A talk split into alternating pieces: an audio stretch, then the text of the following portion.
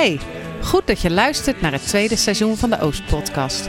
Een podcast gemaakt vanuit en voor kerkgemeente de Oostpoort. Er komen gemeenteleden aan het woord of mensen waar de gemeente een link mee heeft. De makers, René en Onno, zijn oprecht nieuwsgierig, zoeken verbinding en gaan lastige thema's niet uit de weg. Op deze manier hoopt de podcast bij te dragen aan onderlinge betrokkenheid, verbondenheid en verdieping van ons geloof in alle seizoenen van ons leven.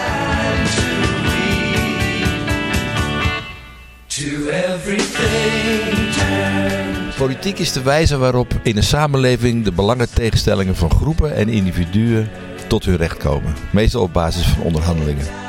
Op verschillende bestuurlijke en maatschappelijke niveaus. In de muziek is politiek een dankbaar thema.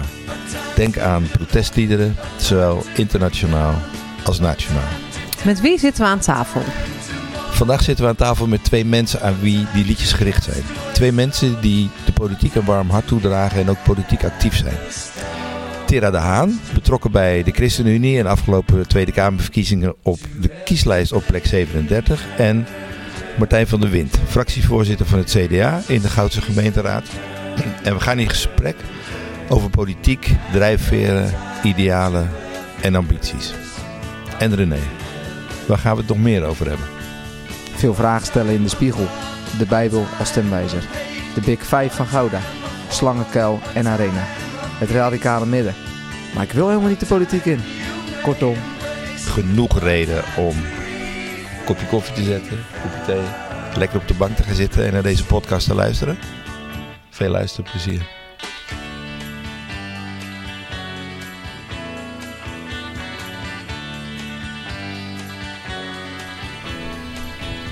Welkom eh, Martijn. Leuk dat je er bent. Dank. Tera, welkom. Dankjewel. We hebben hier naar uitgezien. We gaan het hebben over... Nee, we gaan het toch eigenlijk niet hebben over politiek. We gaan het hebben over de mens. De mens achter de Achter politiek. Mooi. Martijn, kan jij jezelf eh, kort introduceren? Ik ben Martijn van der Wind. ehm, een kleine twintig jaar inmiddels eh, hier betrokken bij wijkgemeente de Oostpoort. En eh, getrouwd met eh Corné. We wonen eh, met ons gezin in Westergouwen. Ehm, eh, toen ik daar een huis kocht, zeiden vrienden hier in de Oostpoort tegen me... ga je echt in die badkuip wonen? ja. En we Laagste wonen- punt, ja, laagste punt van Nederland. 6,40 meter onder zeespiegel. Ja. Eh, het kan nog 30 centimeter lager als je wil. Nou, ehm, eh, de jongste van ons, Matthias, die, eh, die woont nog bij ons thuis. Eh, speelt hier ook af en toe in de muziekgroepen mee met de drums. En de oudste die, eh, zit momenteel een jaar in Zuid-Afrika, Ruben. Leuk. Tera? Ja, hoi, ik ben eh Tera de Haan en eh, ik ben sinds ik 17 ben woonachtig in Gouda. Ehm, ik ben hier komen wonen omdat ik ooit de verpleging in eh, ging in het Groene Hartziekenhuis.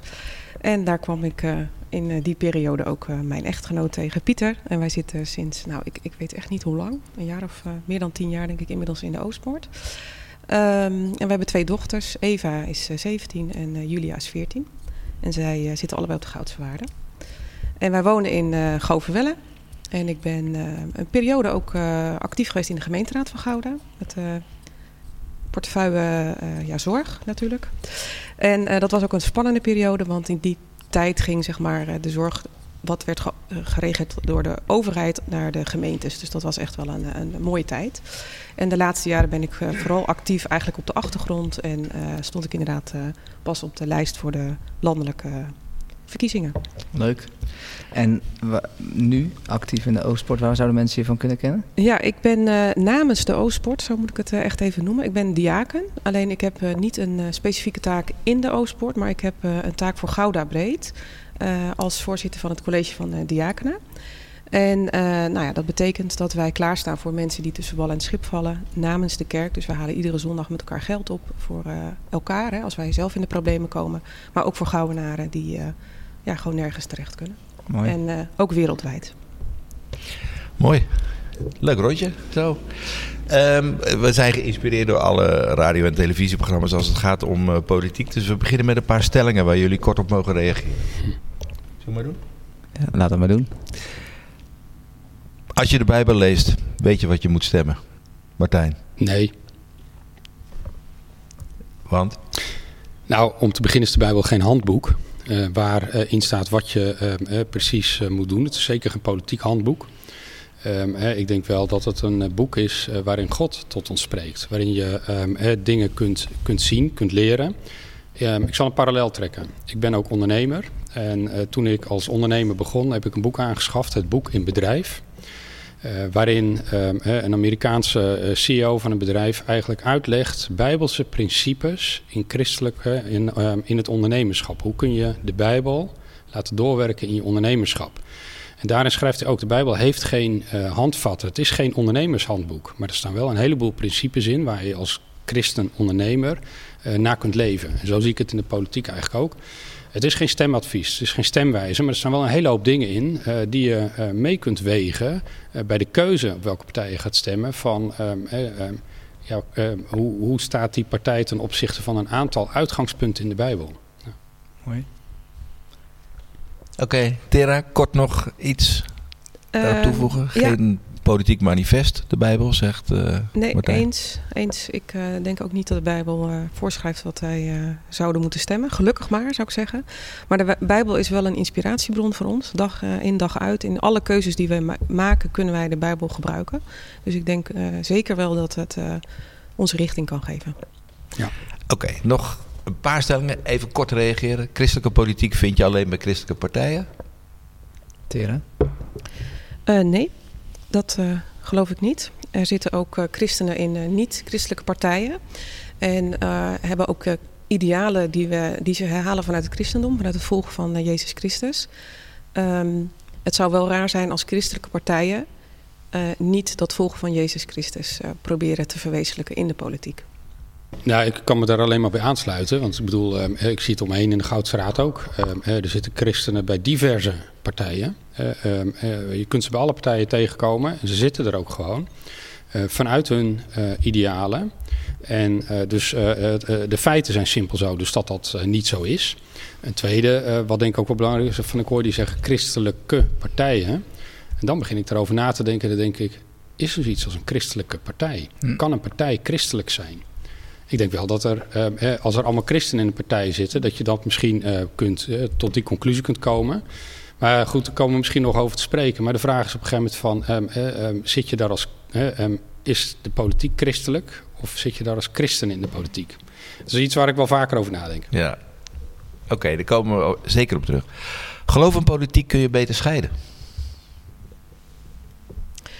Voor mij is uh, mijn geloof met niets te scheiden, want het geloof is een wezenlijk onderdeel van mij. Uh, dus um, de keuzes die ik politiek maak, die doe ik in gebed. Net zo goed als ik de keuzes maak uh, over ja, andere beslissingen in mijn leven. Dus voor mij is geloof en politiek niet te scheiden in die zin. Dus niet ja, in, in, in motivatie of richting of keuzes. Echter, je hebt wel andere verantwoordelijkheid. Bijvoorbeeld als het gaat over kerk en overheid, hmm. heb je andere verantwoordelijkheid. Ja, um, um, uh, je, je, formuleert hem als geloof. En, en dan sluit ik me wel aan bij Tera. Dus van dat niet. Maar kerk en politiek, ja, die wil ik wel gescheiden houden. ik denk niet dat, dat, dat we daar naartoe moeten. maar het geloof kun je niet loszien. eigenlijk is het meer zoiets van waar geloof je in? ik denk dat voor geen enkele politicus geldt dat hij losstaat van waar hij of zij in gelooft. Ik bedoel, Waar je, dat uh, geeft ook je motivatie om bepaalde dingen te doen. Um, en uh, op het moment dat je gelooft uh, als christen dat je gekocht bent met het bloed van Christus, dan kleurt dat alles wat je doet in het leven. Ja, ja. En dus ook in de politieke arena. Dat kan niet anders. Daar ben ik van overtuigd. ik kan het in elk geval niet loskoppelen voor mezelf. Oké. Okay. Um, de volgende stelling. Christelijke politiek draait om medische, ethische kwesties en koopzondag. Sorry. Ja. Dat zou echt uh, heel jammer zijn. ja. Het is een uh, te simpele voorstelling van feiten ook. Ik bedoel, uh, uh, nee. Ehm, sterker nog, ehm, dan, dan vind ik dat je het christen zijn ook wel heel erg verengt tot bepaalde uitingen. mag je een ijsje kopen op zondag, ja of nee? Ja, ik, dus van, uh, daar kan ik als christen al niets mee, laat staan als politicus. Ja. Maar je ziet in, in, als ik even mag reageren, je ziet in landelijk politiek en, en, en, en, en zegers, die moet wel vaak bij zulke stellingen moet hij op de bühne. Even, toch? Ja. Ja, dat Het- is echt een actieve framing van eh, niet-christenen, laat ik het even zo eh, noemen. Natuurlijk van christenen. Dat gebeurt niet alleen in de politiek. Ik hoor het ook van eh, onze kinderen op school. Die hebben ook een beeld eh, bij christenen. Net zo goed als dat ze in Amerika denken dat wij hier allemaal op klompen lopen en eh, allemaal drugs gebruiken. Dat, eh, Hm. dat beeld wordt natuurlijk ook soms al te graag in stand gehouden. Maar het is gelukkig niet waar. Althans, als het hier even... Als het aan ons ligt niet. Nee. Ik hoop het niet, want dan eh, zou ik wat minder hoopvol worden. Ja. Ehm, ja, en dan weet ik het antwoord ook al een beetje op de laatste stelling. Christelijke politiek is uit Nederland verdwenen. Nou, ik, ehm, ik geloof niet in christelijke politiek. Dus ik denk dat het er nooit geweest is. Hè, ehm, maar dan kom je toch weer op die discussie uit: wat is dan, eh, hoe zie je het dan? Ehm, hè, dat is meer, ik denk dat je als christen in de politiek een opdracht hebt vanuit eh, de Bijbel, vanuit Gods woord, om op een bepaalde manier naar de werkelijkheid te kijken om je heen. Ehm, maar dat is niet zo dat dat exclusief voorbehouden is aan christenen. Ik kom heel veel niet-christelijke eh, collega's tegen in de politieke wereld. ehm, die dezelfde waarden en normen hebben die ik terugzie in de Bijbel. Ehm, zijn zij daarmee, eh, bedrijven zij daarmee ook christelijke politiek?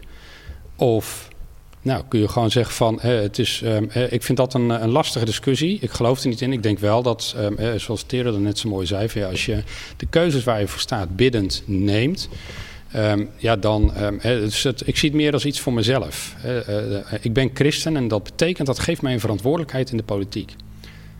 Maar ik geloof niet in een christelijk sausje over een politiek en daarmee is, eh, is het een christelijke politiek geworden. Dus ik denk dat het er voor mij is het er nooit geweest. Maar ik denk dat misschien dat, Tera, dat jij het anders ziet. Nou, je, je zei eh, christelijke politiek verdwijnt eh, uit Nederland. Ik, eh, ik denk dat gelukkig christenen niet uit de politiek verdwijnen in Nederland. En ehm, je hebt natuurlijk veel overeenkomsten hè, met niet-gelovige mensen op, als het gaat over welke drijfveren. Waarom zit je in de politiek? Waarom bemoei je daarmee? Voor mij is het doen van barmhartigheid en recht aan mensen. Eh, en dan vanuit het perspectief zoals God naar ons mensen kijkt, wel degelijk eh, ja, iets wat soms ervoor kan zorgen dat je net een ander standpunt eh, inneemt of dat je andere keuzes maakt. En die keuzes worden wel steeds minder populair in Nederland.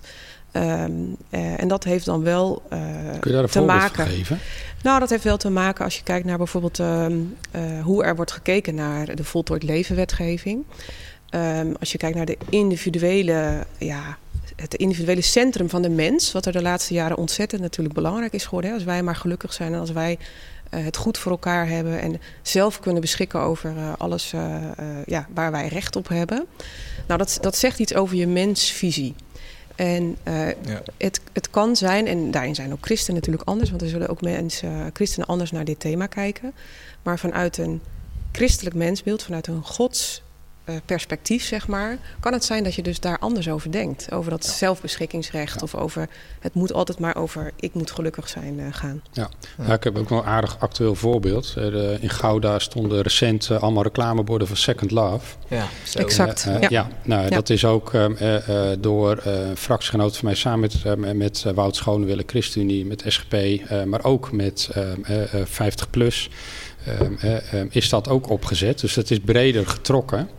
Maar je ziet toch dat het dan meteen geframed wordt van de christelijke politiek en de christelijke partijen, die gaan ons betuttelen. En eh, er werd ook gezegd, ja, maar als, eh, hè, als je huwelijk toch al slecht is, dan, eh, dat, dan kun je het heus niet redden door een reclame te verbieden.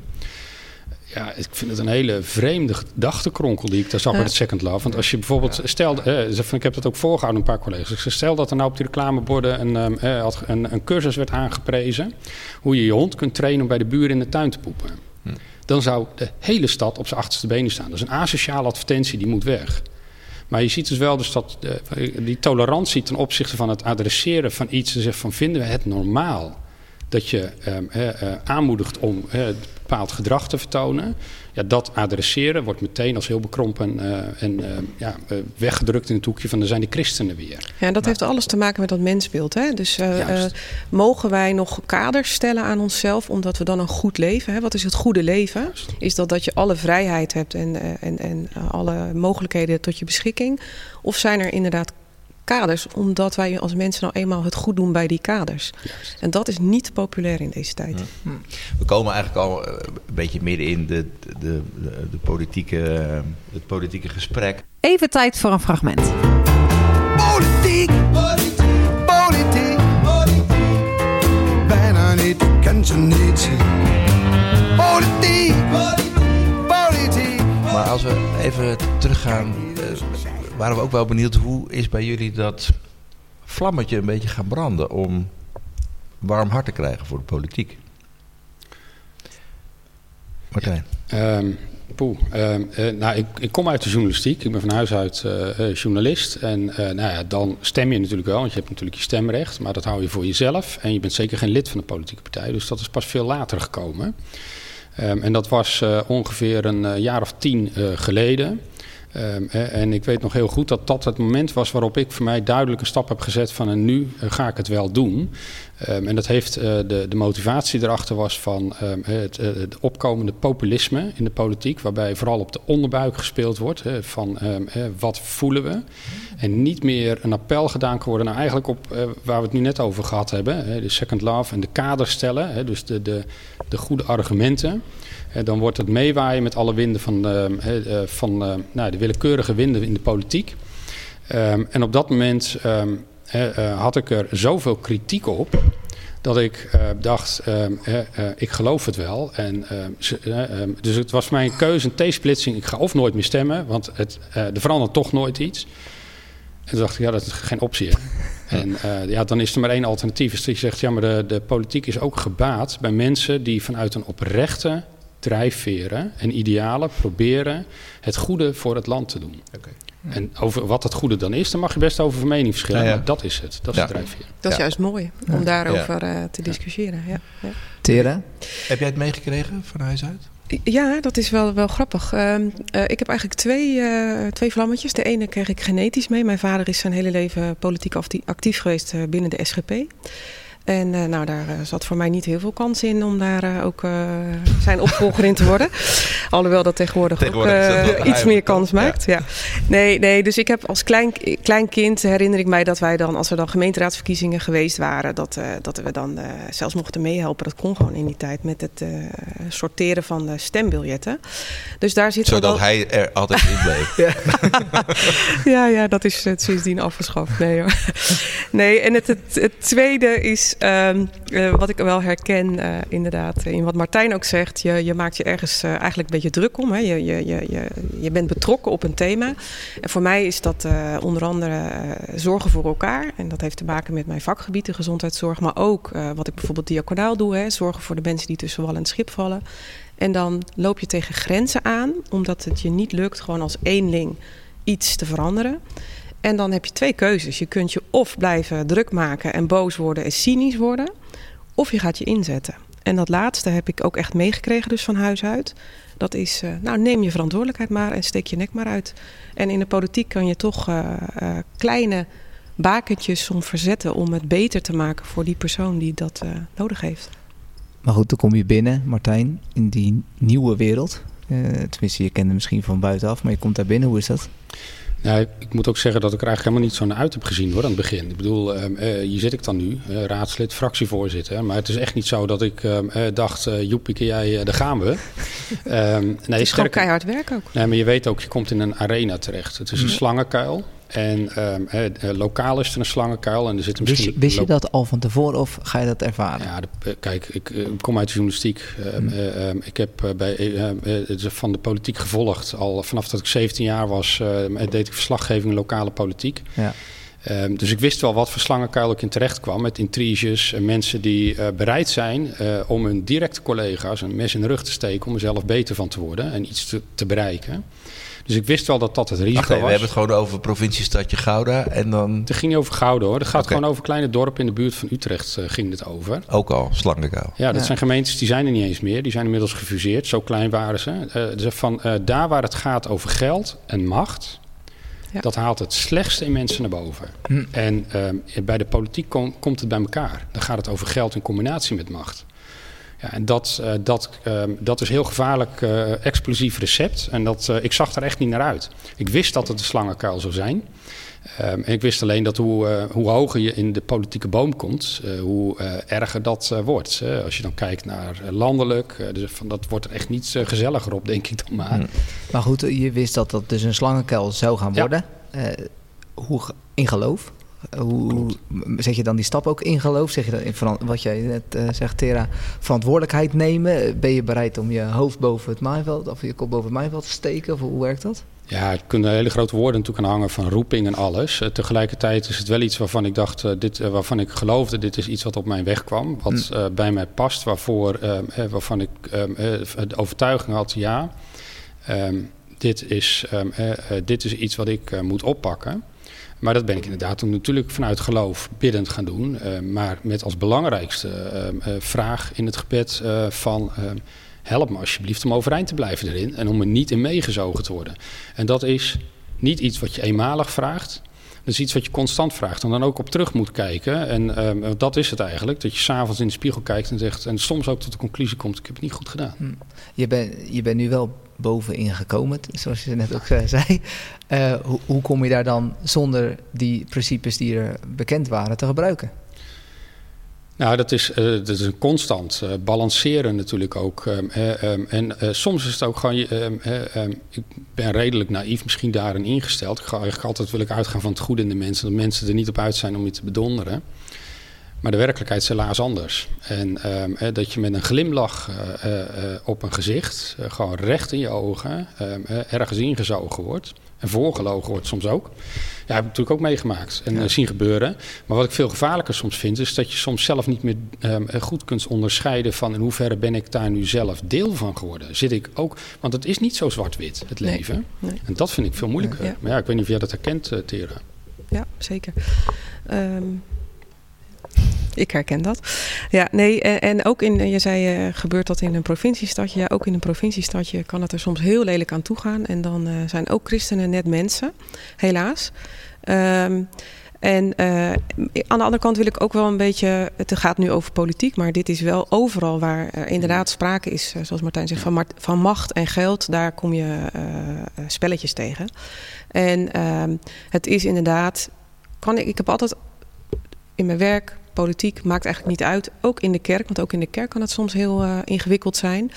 Ehm, ik heb altijd voor mezelf de stelregel: kan ik mijzelf s'avonds in de spiegel aankijken? Als Ja. kind van God en als moeder van mijn kinderen, als buurvrouw in de straat, als vrouw van mijn man. En, Dat is een ehm, heel rijtje wat je elke avond... ja, dat is best. eh, Op je spiegel geschreven, neem ik aan. Dat lijkt me wel uitdagend. Ja. Ja, het is, eh, ja, je kunt er ook voor kiezen dus om minder eh, aan dat rijtje toe te voegen. Maar ik wil heel graag al deze aspecten erbij houden.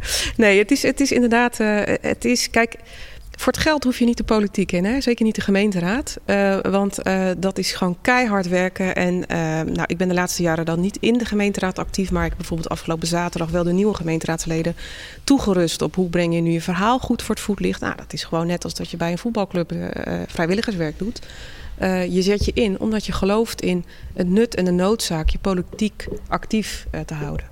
En je, ik denk toch ook misschien een beetje positieve naïviteit. Je hoopt toch ook wel als christen daarin eh, verschil te kunnen maken. Zeker in deze tijd bijvoorbeeld, hè, waarin je of ergens enorm voor bent of heel erg tegen iets. Ja, ik geloof echt in het radicale midden als christen. Dat wij luisteren naar alle geluiden. En dat wij dan in wijsheid zeg maar keuzes maken. En dat is, ja, dat is niet altijd even populair of niet altijd. eh, ja, je krijgt misschien geen 10.000 retweets als je iets heel genuanceerds eh, vertelt. Maar ik geloof echt dat dat ja, toch misschien wel bijna je roeping is. Want anders hou je het bijna niet vol.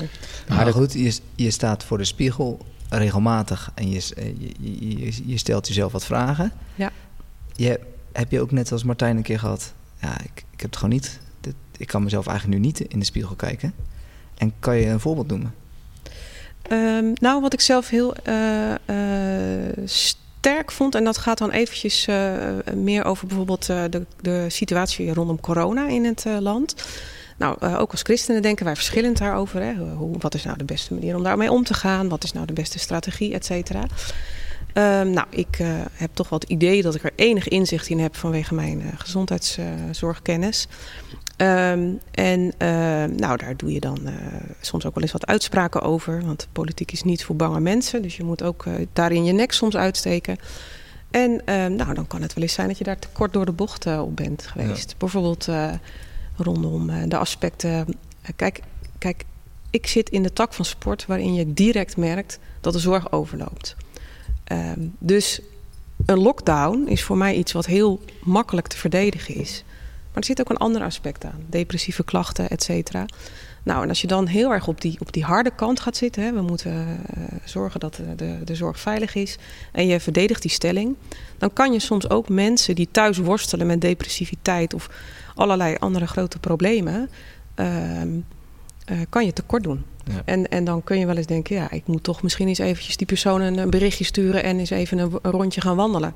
Of eens even uh, toch naar hem toe gaan en zeggen, joh, ik uh, ben daar gewoon te kort door de bocht geweest. Ja. En hoe is het dan om kwetsbaar te zijn in politiek landschap?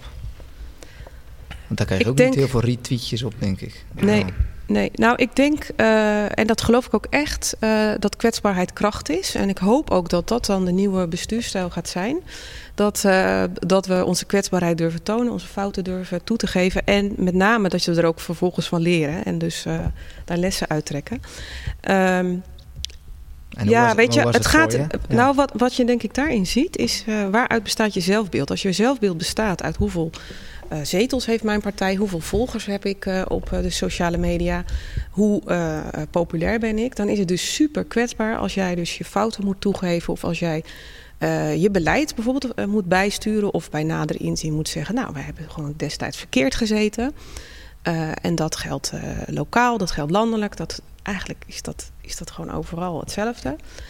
Um, ja, ik, ik vind dat juist sterk. En ik denk, ik, zou, ik vind zulke mensen dus ook betrouwbaar. Hm. En um, dus je hebt ik hoop dat mensen dat, fout durven toe te geven dan dat ze maar blijven ronddraaien en, ja. en, en ja. Ja, een manier te vinden om eigenlijk ja, enigszins een fout niet hoeven toe te geven. Ja, en ik hoop zelf dan ook daar, en dat is wel als je in de politiek ziet, je, je steekt je nek uit. Dus je, je, ik vind dat je dan ook zelf daar het voorbeeld in moet zijn. Dus dat je daarin ook gewoon ja, dat moet, moet zeggen. Ja, volksvertegenwoordiging gaat niet alleen over het vertegenwoordigen van het volk, maar ook over het verantwoording afleggen van wat je dan voor hen doet. Exact. En dat betekent dus dat je alles wat je doet, doe je um, uh, in het, eigenlijk in het belang van het volk, uh, van de kiezers. Ieder met een eigen focus. Uh, dat, doe je vanuit jouw hoek ook. En dan moet je uiteindelijk ook terugkijken naar die kiezer en zeggen: kan ik uitleggen wat we hier hebben gedaan. En dan is het soms nodig dat je zegt ja, of als je dan terug hoort van, van mensen uit de stad. Dat je denkt, ja, dat is eigenlijk wel heel, heel goed wat ze hier nu zeggen. Ze hebben wel gelijk. En dat je dan, um, uh, je moet niet te groot en te arrogant zijn om dan te denken, um, uh, ik ga gewoon door. Maar dan moet je ook gewoon kunnen zeggen tegen mensen van, je hebt helemaal gelijk. Ja. Ja. Maar, wat gebeurt er dan? Want je zegt ook, uh, macht verandert mensen. Ja. politiek, daar zitten ook mensen met een bepaald ego, zei je in het voorgesprek. Um, hoe werkt dat dan? Um, ja, ik weet niet hoe het voor iedereen werkt. Ik kan wel zeggen misschien hoe het voor mij werkt. Ja? Of wat ik probeer te doen om dat, uh, dat te doen. Um, ik ben, uh, naast dat ik fractievoorzitter ben, ben ik ook uh, voorzitter van de commissie bestuur. en, dus daar zit ik ook regelmatig de commissievergaderingen voor van de gemeenteraad. En wat mij daarin aantrekt is dat je ook een stukje onpartijdigheid kunt laten zien. Objectiviteit. Dat uh, komt eigenlijk een beetje terug vanuit mijn journalistieke loopbaan. Hè, dus dat je eigenlijk boven de partijen wilt staan. En dan zie ik een raad met twaalf partijen, allemaal met eenzelfde doel. Ze willen mooier, beter Gouda. En als je dan gaat kijken van hè, de vraag stellen, maar hoe ziet dat er dan uit, dat mooiere, betere Gouda? Dan gaat het uiteenlopen. Maar in de kern is iedereen daar Um, en die zit daar met een, een, bepaalde passie ook echt in. En niemand, uh, ik zie daar niemand die daar vanuit de macht in zit. Iedereen zit daarin. Ik wil Gouda een stukje mooier, beter maken. Dat is een belangrijke. En het tweede is, uh, wat, ik, uh, wat ik zelf probeer te doen, is gewoon ook constant terug te gaan. De stad in, met mensen te praten en zeggen van nou, uh, dit, is, dit speelt er. Hoe kijken jullie hier tegenaan?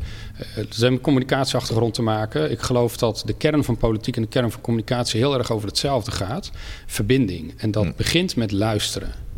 En als je goed luistert, oprecht luistert wat iemand bezighoudt, dan kun je gaan begrijpen wat de ander bezighoudt en wat de ander nodig heeft. En dan kun je een bruggetje gaan slaan. Kijken Maar hoe je mensen Ik denk dat dat brengen. ons ook verbindt. Eh, Ik ken Martijn natuurlijk ook iets eh, langer dan eh, vandaag. Eh, dat wij ook wel, en daarom zei ik, ik geloof in dat radicale midden. En dat heeft te maken met niet dat je overal een beetje eh, eh, water bij de wijn doet en dan kom je ergens. Maar dat heeft met dat luisteren te maken. Dus dat je op je standpunten, op je visie op thema's, dat je eh, je oor te luisteren wil leggen bij de mensen die het aangaat. En op basis daarvan, in, samen met je inspiratiebron, eh, ga je je standpunten innemen en bepalen. Ja, maar, Ja. maar dat betekent toch dat je compromissen moet sluiten. Want je zegt al, Ja. we zitten met meerdere mensen in de raad of met meerdere mensen in, eh, in de eh, BMW bijvoorbeeld. Hoe werkt dat dan? Voor jou als persoon, voor, voor jou Tera, als je compromissen moet sluiten en Nou. dus ietsje moet inslikken. Ik vind dat soms wel eens met partijen die bijvoorbeeld nog nooit geregeerd hebben, vind ik dat wel eens ingewikkeld. Die eh, blijven roepen, dit hebben we altijd al gezegd en dit vonden wij altijd. En ehm, ik vind dat soms ook ingewikkeld met partijen die lang geregeerd hebben. Die gun ik juist dat ze hun, eh, hun kleur kunnen behouden een beetje. Maar ik weet ook uit de realiteit, doordat je heel veel water bij de wijn moet doen en vaak weer opnieuw je moet herschikken, zeg maar, dat dat ontzettend ingewikkeld is. En ehm, dus tussen, hè, tussen kleurloos zijn, maar aan de andere kant blijven roepen: jullie eh, nemen geen verantwoordelijkheid of jullie doen te veel water bij de wijn of wat dan ook. En wij zijn de enige partij die, eh, die nog eh, het rechte pad bewandelen, bij wijze van. Ehm, dat is heel makkelijk als je nooit hoeft, eh, als je nooit in die zin verantwoordelijkheid neemt en hoeft eh, compromissen te sluiten. Dat is, ja, ik, ik vind dat wel eens ingewikkeld. Ja. Ja, ik maar denk- als je zo'n compromis sluit, wa- wa- wat gaat er dan door je heen als je s'avonds op de bank zit? Nou, op zich niet. eh, ik heb geen moeite mee om compromissen te sluiten. Maar bij die compromissen die je sluit, moet je ook altijd weer terugreflecteren van waar zitten nu de kernpunten? Wat is, hè, wat is absoluut eh, hè, de basis? En waar kun je eventueel ehm, ehm, anderen ook iets gunnen? Want daar gaat het ook om. Hè. Het gaat Ja. helemaal niet om het halen van je gelijk. Het gaat om het gunnen van ruimte aan anderen. Ja. Eh, ehm, het, eh, uiteindelijk, als ik naar de Goudse Raad kijk, zitten twaalf fracties in.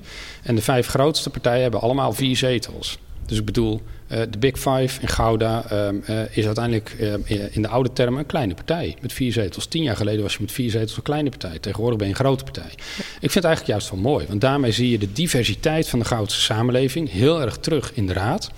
En ehm, ja, dat betekent ook, we moeten het wel samen doen. We moeten elkaar ruimte gunnen. En een compromis eh, vind ik daarin niet erg. Ehm, het is ook een beetje vanuit de gedachte, en dat zou elke politicus zichzelf af en toe ook eens een keertje moeten voorhouden. Je bent een norm, niet de norm. Hm. En als je dat beseft, dan weet je ook dat er 12 partijen, 35 eh, raadsleden, even zoveel normen en meningen en visies op de werkelijkheid zijn. Maar, Ja. En die moet je bij heb- elkaar zien te brengen. Maar die vers, je noemt dan dat noemen, tenminste dat hoor ik dan een beetje als versplintering. Hè? Dus dat je Ja. versplint, ja toch? Zou, ook kunnen, zo, zo zou het ook kunnen zien. ja, dus het wordt niet meer eh, één partij die enorm groot is en daar komt nog één partij bij, maar er zijn echt vier, vijf partijen die een vergelijkbare grootte hebben.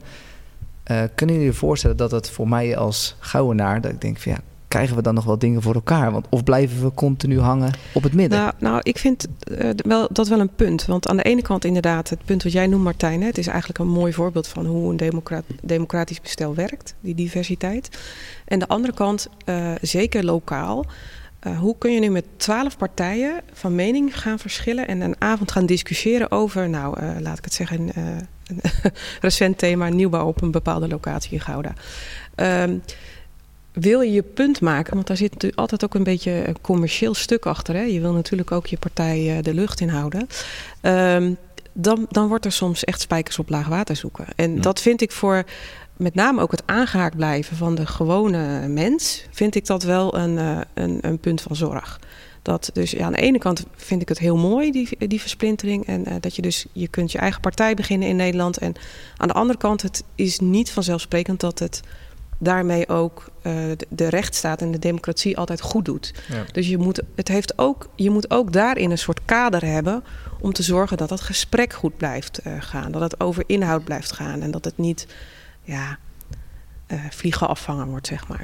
Nee, dat risico is natuurlijk altijd, eh, hoewel ik het over het algemeen ehm, eh, juist wel heel erg waardeer hoor. De verscheidenheid en het. ehm, ik bedoel, ehm, ik heb ooit tegen iemand die politiek echt 180 graden aan de andere kant van mij zit, gezegd: Ik ben heel erg blij met je in de gemeenteraad.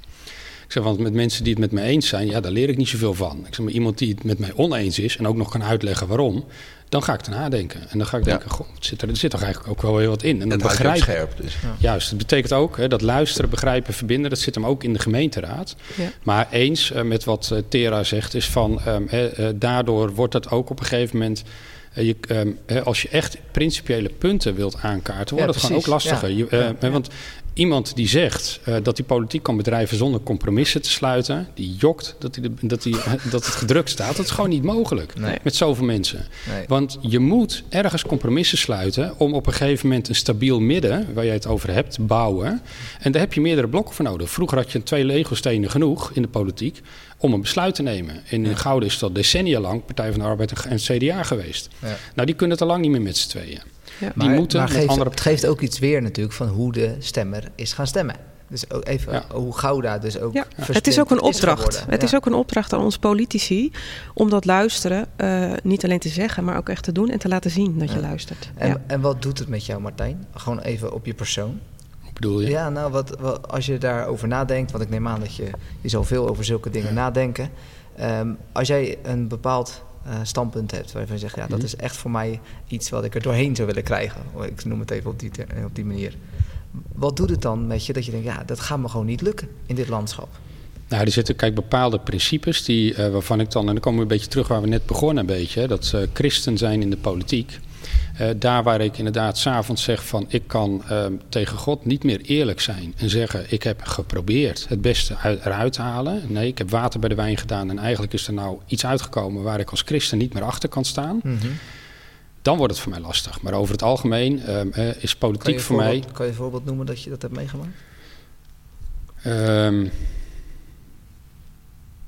nou, laat ik maar even, even, gewoon even het verhaal afmaken en dan ondertussen even doordenken over een voorbeeld. Ehm, eh, ik zit ehm, eh, ehm, in die politiek ook heel erg te kijken op een gegeven moment van... ik weet gewoon dat het, is een, een weerspiegeling van de samenleving En ik weet dat de samenleving bij lange na niet meer... eh, het is geen christelijk Nederland meer. Eh, dus dat weten we om ons heen ook. Dat zien we elke zondag als we hier in Oostpoort komen.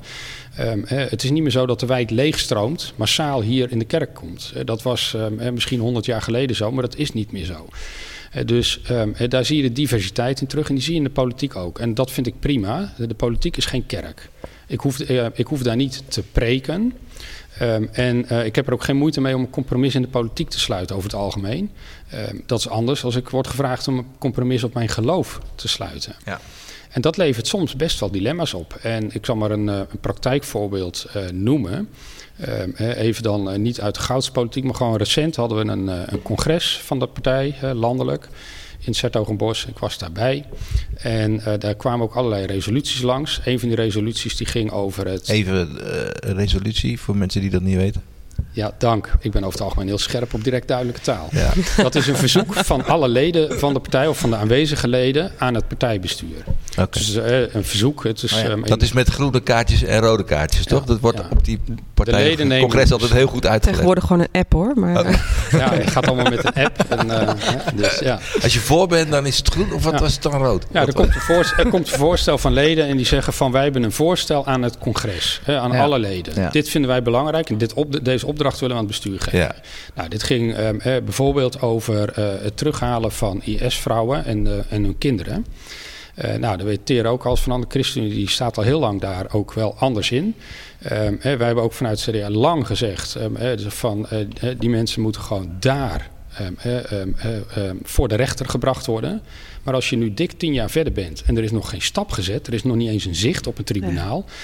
Dan kun je ook afvragen, ja, ehm, maar ehm, eh, op een gegeven moment wordt dat on- onhoudbaar. En daar was ehm, een heel goed betoog van voormalig Tweede Kamerlid Chris van Dam. Die op een gegeven moment zei, zegt, ik hoop toch dat mijn kinderen later niet worden aangekeken op de daden van hun vader. En toen dacht ik, dat is wel een heel mooi bijbels uitgangspunt. Dat je mensen aanziet. Ik had wel moeite met de strekking van de resolutie, daar kun je dan ook weer over twisten. Eh, dus er van stond Nederlandse eh, ehm, eh, IS-vrouwen en hun kinderen. En daar ging de discussie dan ook over. Hè, je zegt, ja, maar die kinderen. Hè, dus als ze nou hadden gezegd Nederlandse kinderen en hun IS-moeders, had ik het een andere vraag van. Ik heb uiteindelijk voor, die, eh, voor dat verzoek gestemd om ze terug te halen. Ehm, vanuit ehm, mijn geloof, omdat ik denk van dit kan ik niet. eh, ik kan mezelf vanavond niet meer in de spiegel aankijken. Ehm, hè, ehm, als ik blijf volhouden, die mensen moeten daar veroordeeld worden. Het gebeurt niet. Laat, haal ze dan hierheen, vang ze op en breng die, eh, die moeders dan hier voor de rechter. Ook al weten we dat met de Nederlandse rechtspraak ze waarschijnlijk niet veroordeeld kunnen worden. Zo. Ja, dat is ook een, een, een herkenbaar iets dat je dus eigenlijk in de eigen partij, hè, dus waar je, het me- je, je kiest de partij waar je het meest eh, thuis voelt, dat het niet betekent dat je automatisch eh 100% achter alle standpunten en dergelijke Ja, staat. Want het, ook dat is weer net Ja. mensen.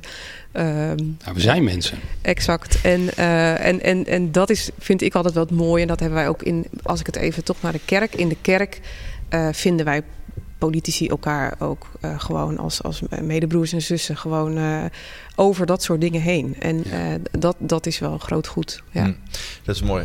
Even die uitspraak die jij zegt, eh, Martijn. We zijn mensen. En je, eh, dat klopt ook. En je bent met ontzettend grote thema's bezig. Verantwoordelijk. Intensief. Hoe laat je dat ook een beetje van je rug afglijden? Nou, het is. ehm, ik zou ook eens te verzuchten. Het, het is echt, eh, het is echt wel hard werken ook. Het, Ja. is, het is dus niet ehm, eh, ehm, eh, eh, alleen maar eh, roze geur en maneschijn. Die, die momenten zitten er ook bij. Dat je gewoon terugkijkt en denkt van... wat ontzettend gaaf dat we dit hebben kunnen doen. Maar het is gewoon keihard werken. Ik bedoel, ehm, eh, zeker ehm, eh, bepaalde periodes in het jaar. We zitten nu richting de begrotingen. Ehm, eh, als fractievoorzitter heb je dan ook nog weer extra eh, verantwoordelijkheden en taken. Ik denk dat ik nu, ja, ik wil het echt niet overdrijven, maar tussen de 20 en de 30 uur per week zit momenteel. Wat het gewoon kost. Ik heb er wel voor over, maar hoe laat je het dan van je afglijden? Nou, dat is ook gewoon op een gegeven moment de, de rust zoeken. De stabiliteit is altijd voor mij ook wel in het gezin geweest. Eh, dat is de basis. En, ehm, hè, ehm, en op het moment dus dat dat niet meer eh, voorop staat, eh, ehm, eh, dus eh, het weekend, de zaterdag, de zondag, eh, vanuit die rust, zonder dat ik zeg ik ben echt helemaal voor de rustdag en ik mag helemaal niks. Zondag moet je toch stukken lezen? Ja, dat eh, klopt. Ehm, eh, naast het raadswerk ehm, heb ik ook nog wat andere dingen. Dus ja, dat klopt. Je moet regelmatig stukken lezen. Begrotingen. Ja, de begroting van de gemeenteraad, 165 pagina's. Ja. Even te lezen in een weekend. En, ehm, hè, dus, en toch is het wel eh, goed en leuk om te doen. Maar hoe laat je dat van je afglijden? Dat betekent ook gewoon soms gewoon de knop omzetten en zeggen het werk, want het werk is nooit af. Ik bedoel, die 20 uur per week, 30 uur per week die ik erin stop, is nog niet genoeg. Het kan nog veel meer. En op een gegeven moment moet je ook zeggen, het is genoeg. Ja. Want een keuzes maken betekent ook gewoon keuzes maken om een keer iets niet te doen. En te zeggen, nu, eh, nu kies ik echt voor mijn gezin. Of nu kies ik echt voor de kerk. hè. Dus van, eh, maar het is wel, eh, ja, het is lastig. Ik heb ook wel eens nachten wakker gelegen van bepaalde dingen. Ja? Dat zal Tera wel herkennen. Dat is wel, Ja. ja. Ja, Deel het eens. Ja, ehm, eentje waar ik, eh, eh, het moment waarop ik bijna afknapte op de, de politiek in Gouda, dat was denk ik eh, het debakel in 2016, 17 met de, de bestuurscrisis dat de voltallige college naar huis gestuurd werd. We zagen het allemaal voor onze ogen gebeuren. Iedereen zag het aankomen. En het was als een trein die op volle snelheid op een dood spoor zat. En iedereen wist het gaat gebeuren. De volgende dag zijn we op vakantie gegaan, want het was de laatste dag voor het reces. En ik zat daar in Zuid-Frankrijk en dacht echt zoiets, ja. Dat heeft me echt eh, wekenlang bezig gehouden. En uiteindelijk was dat de slotsom is, eh, de politiek eh, bestaat, bestaat uit mensen. En mensen falen. Ehm, en ehm, eh, ik ben ook niet van een afrekencultuur. Ben ik wel benieuwd hoe jij dat ziet, Tera. Want ja, ehm, ik, ben, ik ben ook niet van de sorry-cultuur. Zeg maar sorry en dan is het voorbij. Je moet wel hem oprecht onder ogen zien wat er is gebeurd. En dan door kunnen gaan. Ik geloof daar ook als christen in. ehm, Ja. hè, dat je op een gegeven moment zegt: we vergeven en we gaan door. De kracht van vergeving, dat is misschien ook wel goed. Ik ben benieuwd hoe jij Ja. dat ziet in de politiek. Tera? Ehm, ja, ik noemde het net zelf ook al. Hè, van, eh, ik, ik vind dat juist sterk dat als je je zwak durft te tonen. En, eh, maar inderdaad niet als een goedkoop sorry en er dan eh, mee weg te gaan. Maar dat je er echt eh, van laat zien dat je er lessen uit hebt getrokken. En dat je het anders gaat doen. En, eh, en het is wel, ik weet ook, het is echt een goud thema. De gou- eh, goudse politiek is niet eenvoudig. Eh, de partijen en het, het, het tot compromissen komen. En zorgen dat we elkaar nog een beetje aardig blijven vinden en zo. Dus ik, ik herken wel wat jij zegt daarin. Ja. En hoe is het voor jouw gezin? Hoe- hoe- Nou, weet je, voor mij, mijn laatste, de, als ik als ik een voorbeeld zou moeten noemen voor mij, eh, ik ben bij ons in de partij ben ik heel druk bezig geweest met het coronabeleid. En eh, we hebben natuurlijk iemand die eh, ook direct aan tafel zit bij de bepaling landelijk. En ehm, wat ik net al noemde, hè, ik, ik zie natuurlijk in de in ziekenhuizen de ellende daarvan. En het is natuurlijk heel makkelijk om dan te zeggen, jongens, de rem erop, et cetera. Destijds ehm, waren de, de landelijke besluiten natuurlijk anders. Hè. Eh, we hebben nog eventjes vorig jaar eh, aangekeken naar de zomer. En op een gegeven moment ging dan toch die rem erop. Nu zitten we eigenlijk midden in dezelfde situatie. En eh, in zo'n partij heb je bijvoorbeeld mensen die enorm voor het ene beleid zijn. Dus op slot en zorgen dat we zo min mogelijk besmettingen krijgen. En ook mensen die zeggen, hoezo corona, hoezo vaccineren. Eh, dat zit allemaal in één partij. En dat, dat zal bijna geen enkele partij... Ja, Het, het zal geen enkele partij ontlopen. En dan word je gevraagd om namens het wetenschappelijk instituut daar een, eh, een voordracht over te houden. En eh, ja, dat is best ingewikkeld. Mm. Want je weet gewoon dat, eh, dat er mensen eh, ja, dit heel lastig zullen vinden. Het gaat over ons dagelijks leven, over wat we wel en niet mogen. Het gaat over wat we volgende week als kerk besluiten. Van eh, wat gaan we doen weer met de oplopende getallen. Ja. En ehm, wat ik altijd probeer is dan te zoeken naar de verbinding met de mensen die anders een andere visie hebben, anders denken. En uiteindelijk, dat verzamel je bij elkaar je neemt een besluit en je, je kiest, je zegt en dan alles overwegende gaan we, wat mij betreft, deze kant op. Eh, en dan wordt dat besluit soms overgenomen. Je bent eigenlijk een soort adviseur. En soms niet.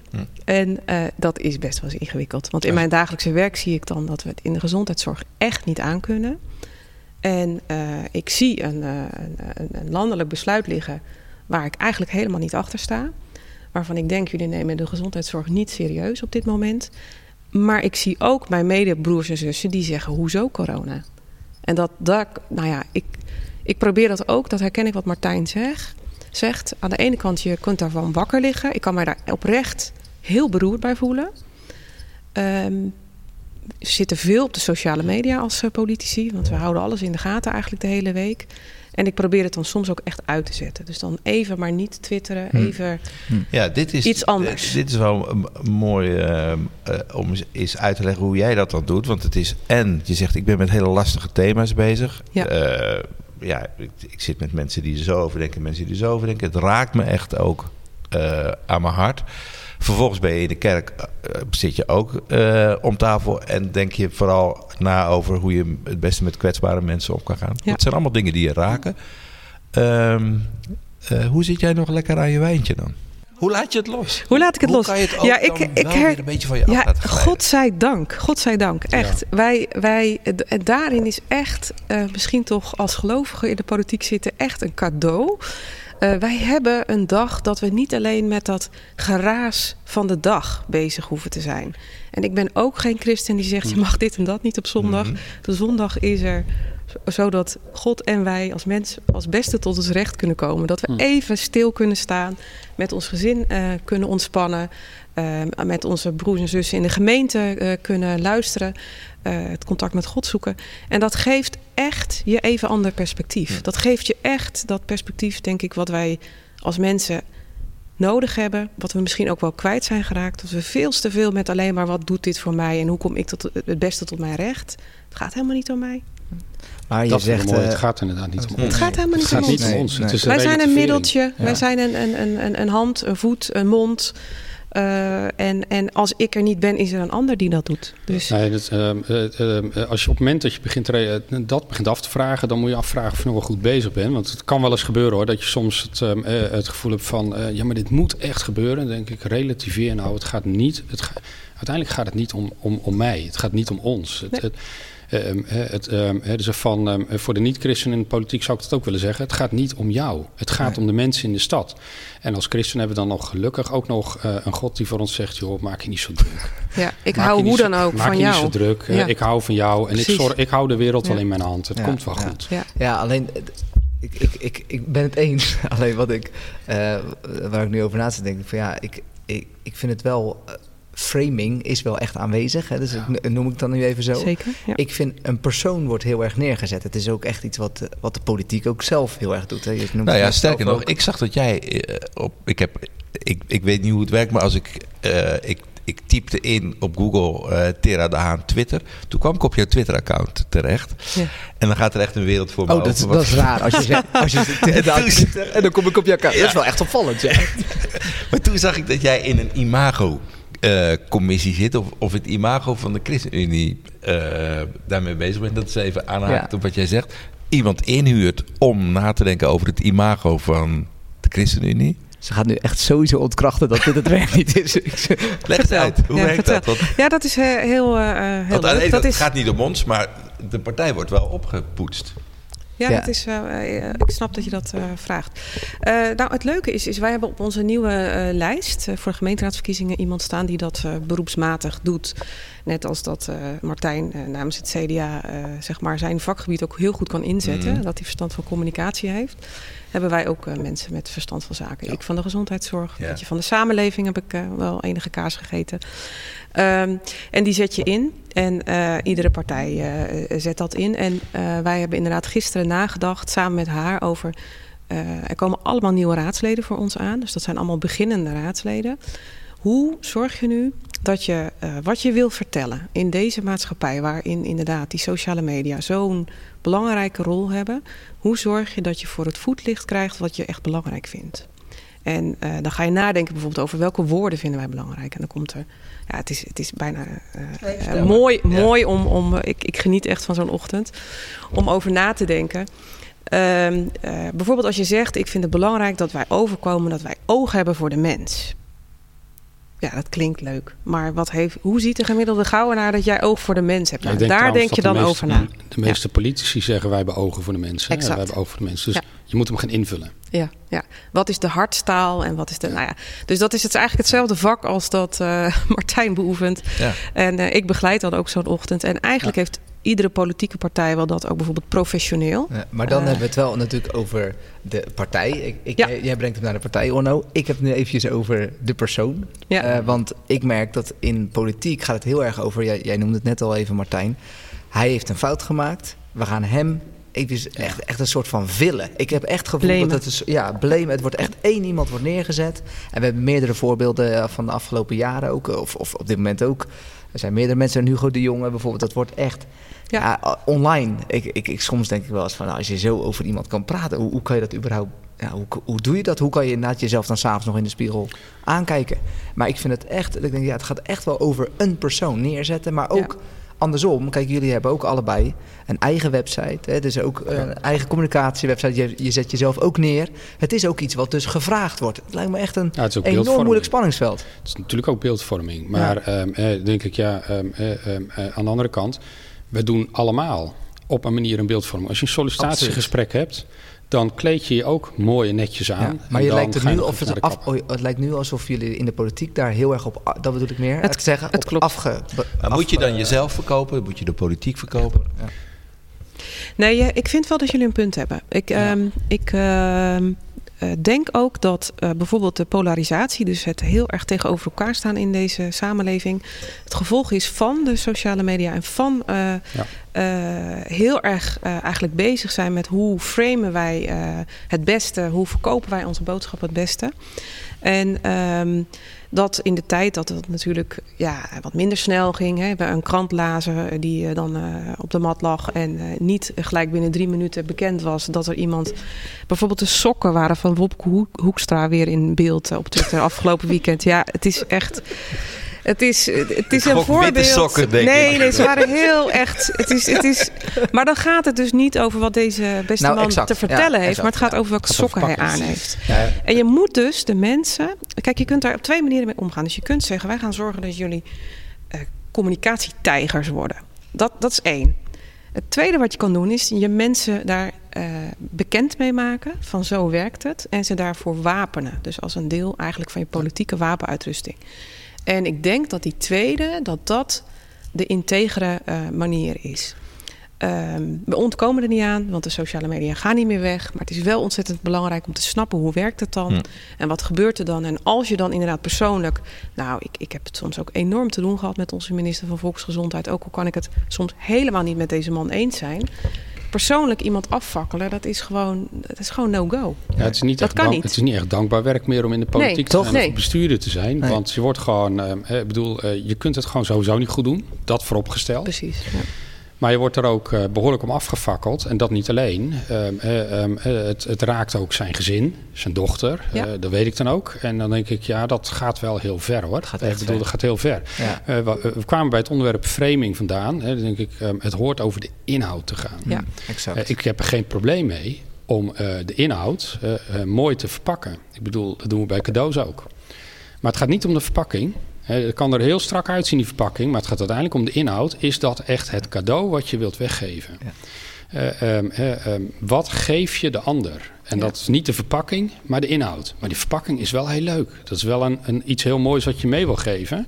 En waarmee dat cadeau ook, ehm, hè, waarmee je duidelijk kunt zeggen: van, ik heb er aandacht aan besteed, zorg aan besteed. Maar ik vind het wel een terechte vraag die jullie stellen. Ja. Want dat zet me ook weer aan het denken: is van ja, maar het is een heel groot risico dat de verpakking belangrijker gaat worden dan de inhoud. Ja. Ja, als dat zo is, ja, dan prikt de kiezer daar denk ik heel snel doorheen. Want die denkt, ja, achter die mooie verpakking, wat zit er dan achter aan de inhoud? Ja, daar moet natuurlijk wel een goed verhaal achter zitten, anders heb je niks. E- Even nog, we, ne- we nemen dit gesprek op in de kerkzaal van de Oostpoort. Ehm, vind je dat we als Oostpoort en als gemeente eh, jullie ergens in zouden moeten ondersteunen? In je verantwoordelijkheid naar, de, naar het politieke landschap? In de slangenkuil. Nou, ik Gebed? Mijn- ja, ge- Ja. gebed, maar hè, dus van, eh, ja, dat is denk ik wel En dat gebeurt ook gelukkig. Gebed wordt, eh, voor welke partij? Nee, gebed- ja, dat, is juist, dat is juist het mooie van dit gesprek, denk ik. Dat het helemaal niet om onze partijen gaat. Absoluut. Absoluut. En eh, ik denk dat, dat het, eh, het gebed eh, dat dat een, een heel belangrijk en wezenlijk onderdeel is Ja. eh, van ook eh, de, de gemeente en, en eh, ja, de beleving en de verantwoordelijkheid naar onze overheid toe. Ook zeker in deze tijd waarin een enorm wantrouwen is naar de overheid. Hè. Heeft de overheid nu het beste met ons voor of zijn ze inderdaad onderdeel van dat grotere complot? Ehm, het zijn, zoals Martijn ook zegt, we zijn mensen. Ik zeg altijd, we zijn net mensen, maar het komt op hetzelfde neer. En ja, wij zijn allemaal afhankelijk Ja. van gebed en gedragen worden daardoor. Ja. Ja, en eh, ik denk gewoon een praktische oproep. Want ik bedoel, de luisteraars eh, van deze podcast, eh, het is ook heel praktisch. Hè? Ik bedoel, eh, het is gewoon simpelweg niet meedoen. Precies. Niet Ah. meehuilen met de wolf in het bos.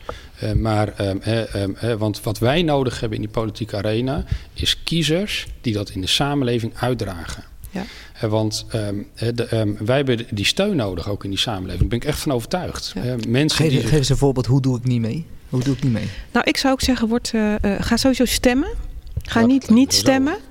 En, ehm, en ik, eh, ik, heel, heel leuk, eh kleine anekdote. Onze oudste dochter heeft haar PWS, haar eindexamenwerkstuk gedaan over eh, de Rode Armee-fractie en waarom het interessant was voor vrouwen in die tijd. En daarin kwam ze in, het, in een, een soort theorie terecht hoe je radicaliseert. En dat vond ik ontzettend op deze tijd van toepassing. En één is herkenbaar waar, van waaruit Martijn en ik politiek actief zijn geworden, is dat we ons druk maakten over iets, verantwoordelijkheid wilden nemen. En eh, als je dus eh, die verantwoordelijkheid niet neemt door bijvoorbeeld lid te worden van een politieke partij of je in te zetten in je wijk, in je buurt, in de kerkelijke gemeente, ehm, dan gaan mensen cynisch aan de zijlijn zitten. En dat is een enorme eh, eh, mogelijkheid om, om dan dus af te haken en Ja, te radicaliseren. dus ik hoor, doe, Ja. doe mee in de wijk. Doe mee Ja, in, in, spreek, je, politiek. spreek je gewoon uit. Ja. Eh, vertel gewoon wat je zelf. Kijk, ik bedoel, ik spreek maar even dan hier in de Oostpoort als christenen. Ehm, spreek je ook uit als christen wat je belangrijk vindt. Eh, draag een positief geluid uit. En ehm, hè, dat, dat positief geluid, dat ondersteunt de politici enorm. Ja. Ja. Eh, het niet uitspreken, dat, dat betekent ook dus dat ze draagvlak gaan missen in de samenleving. En ik, eh, dan, dan op een gegeven moment dan wordt dat heel lastig om die politieke basis te Maar, houden. maar dan even helder. We, we, we lijken ons juist heel erg uit te spreken, Martijn. Op, en dan wel Ja. op een anonieme manier. En we, willen, Ja. we, we, we, we spreken ons ook heel nou ja, negatief. We gillen juist wel als wolven. Hoe spreken we ons dan goed uit? Even voor jou. Nou, de Nou. kerk is ook een gesprekspartner, hè? Ja, De kerk is ook een gesprekspartner van politici. Nodig politici uit als je thema's eh, eh, tegenkomt. Dat, eh, vanuit de diaconaat kom ik het ook tegen. Er zijn zoveel uitdagingen, problemen waar we mee te maken krijgen. klopt. Nodig ze uit. Vertel wat er aan de hand is. Vertel wat je denkt dat als kerk de oplossing zou zijn. Ja, dat, nou, eh, dat brengt me terug bij een beeld waar ik net al zat te denken. Want eh, van, het is eigenlijk al zo oud als de Bijbel. Eh, eh, als je bijvoorbeeld kijkt zeg, van de stad, hè, dus van ga, die, ga naar die politiek toe. Ook Ja. als zou ik ook Oostporters willen oproepen. Ga daar naartoe, stap erop af. Er zijn inspreekplatforms. zoomen met de stad. Kun je je signalen kun je, kun je delen met raadsleden. Ja. Er zijn inspraakmomenten bij commissievergaderingen. Maak er gewoon gebruik van. Vertel je verhaal. Eh voorbeeld wat ik wilde noemen is eh, van Boas. eh, die dan, ehm, dan, ehm, dan komt Rut bij hem en dan slaapt ze die nacht bij hem. En de volgende ochtend gaat hij naar de stadspoort. En daar praat hij dan met de bestuurders van de stad. Hij stond gewoon in de gemeenteraad hoor, van de stad. Ja. En ehm, daar kwam hij even zijn zegje doen. En dan denk ik, wat we nodig hebben is gewoon christenen... die ook gewoon ehm, ehm, naar buiten toe treden... en daar ook eh, gewoon eh, het verhaal vertellen.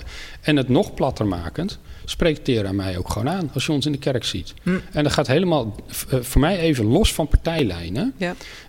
Spreek, spreek ons gewoon ook aan. Zeg, hé, hey, jij bent christen en je bent politiek actief. Ik zit hiermee of ik vind dit belangrijk.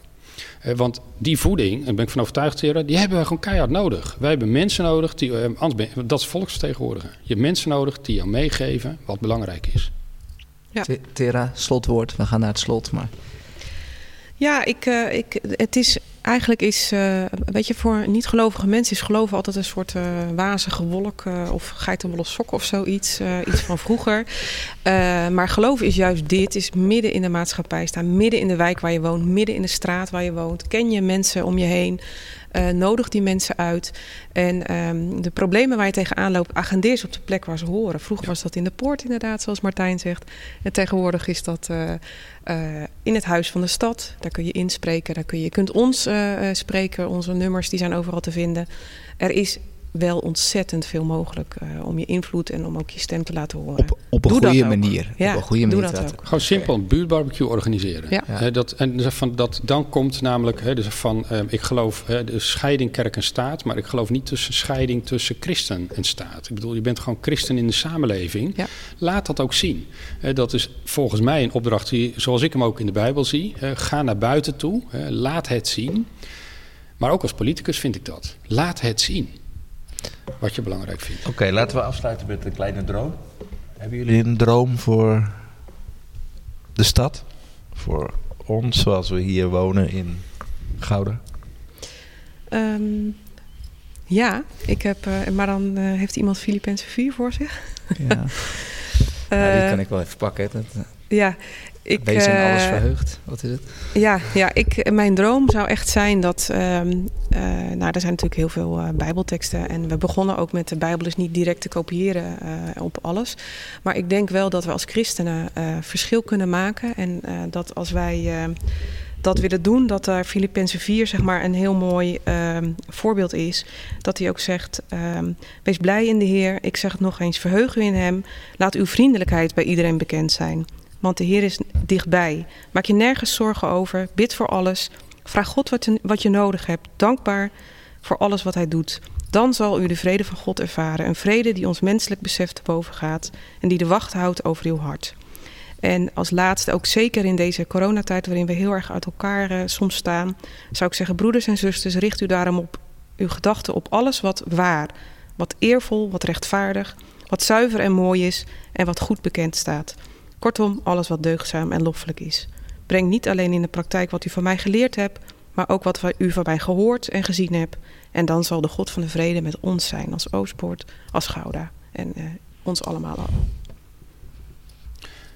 Nou, daar heb ik echt helemaal niets aan toe te voegen. Nee, dat is, dat de is de samenvatting van de droom, denk ik. Ja. hè, die we voor de Oostpoort hebben, voor Gouden hebben. En ehm, ieder op eh, een eigen plek. En ik denk dat we het daar net over hadden. Dat is heel mooi. We hebben elk een eigen rol, een eigen plek in Gouda, in de samenleving. Groot of klein, het maakt niet uit. Maar het is een plek waar je dit handen en voeten kunt geven, wat Tera net voorlas. Mooi. Dank je. Amen, Martijn. Amen. Oké jongens, bedankt voor je komst. Bedankt.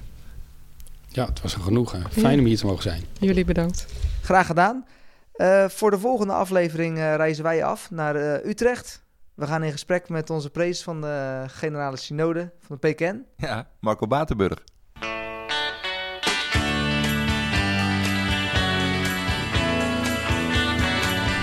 Bedankt voor het luisteren naar deze aflevering. Hopelijk heb je ervan genoten, ben je bemoedigd of is simpelweg je reis een stuk sneller gegaan. Wil je wat kwijt over dit gesprek? Geef dat dan door. Vinden ze leuk. Het kan via Instagram of via de mail, deoostpodcast.gmail.com. Deze podcast werd gemaakt door Onno Kastelein en René Rijn met technische en contentondersteuning door Bob Luusema en Willemijn Bakker. Tot de volgende aflevering.